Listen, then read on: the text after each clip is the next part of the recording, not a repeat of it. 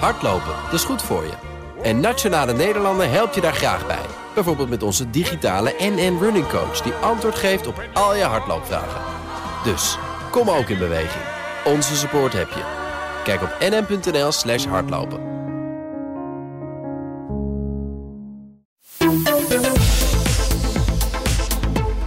Iedere dag rond dit tijdstip, tijdstip een blik op de wereld. En die blik op de wereld komt vandaag van onze Europa-verslaggever Geert-Jan Haan. Geert-Jan, goedemiddag. Goedemiddag, Thomas. Uiteraard zullen wij ook ons gesprek wijden aan de situatie in Israël met het laatste nieuws. En daar waar mogelijk wat reacties.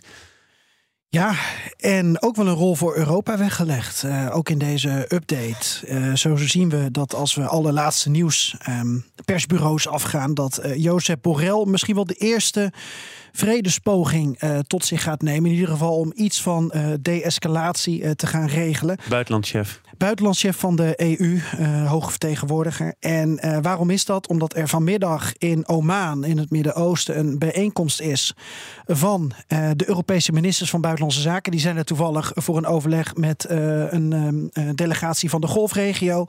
Borrell is er ook bij. En hij heeft zowel de minister van Buitenlandse Zaken van Israël als van de Palestijnse autoriteiten uitgenodigd om aan te sluiten bij uh, een overleg. Om te kijken of dat tot een vorm van de-escalatie kan.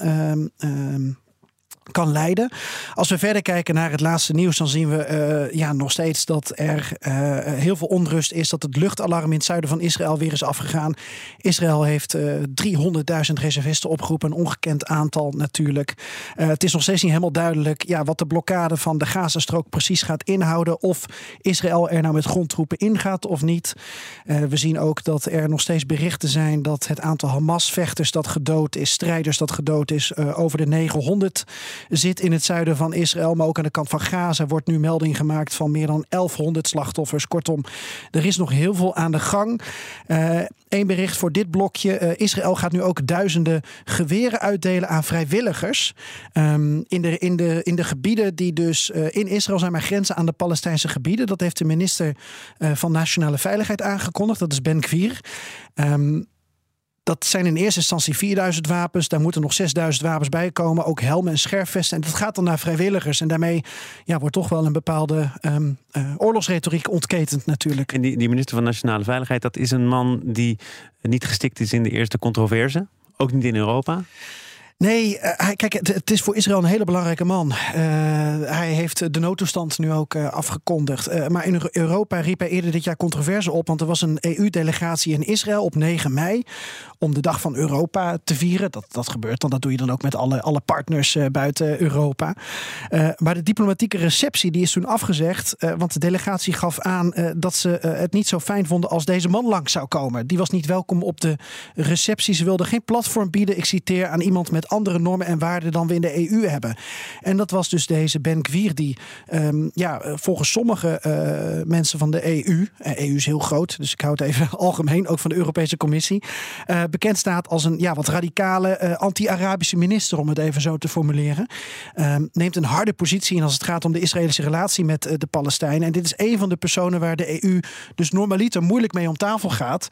Maar in het kader van de-escalatie grijp je natuurlijk heel veel aan.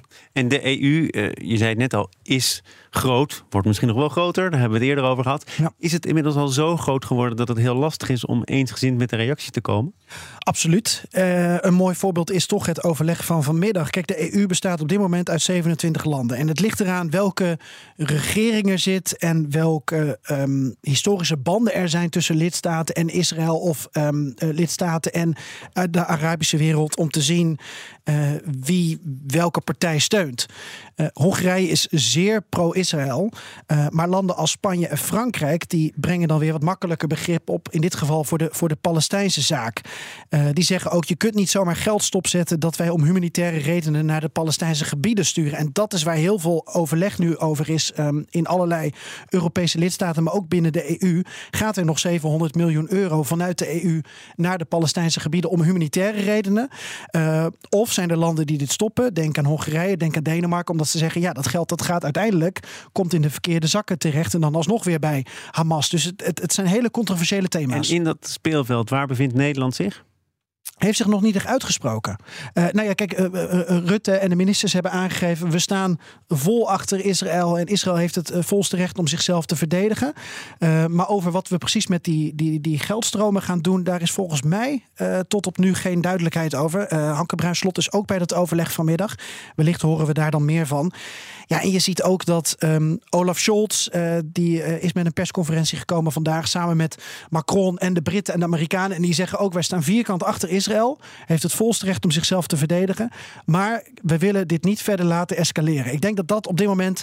Um, de zin is waar iedereen zich het meeste in kan vinden. Laten we het daar dan maar uh, bij houden en ons aan vastklampen. Geert-Jan, dankjewel. Tot later deze week.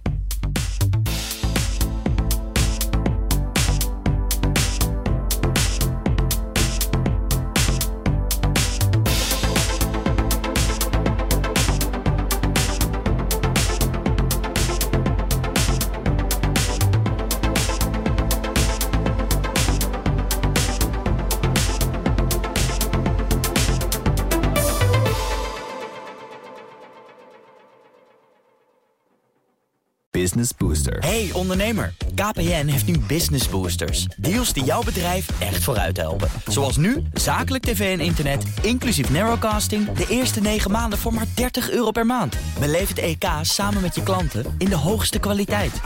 Kijk op kpn.com businessbooster. Business Booster.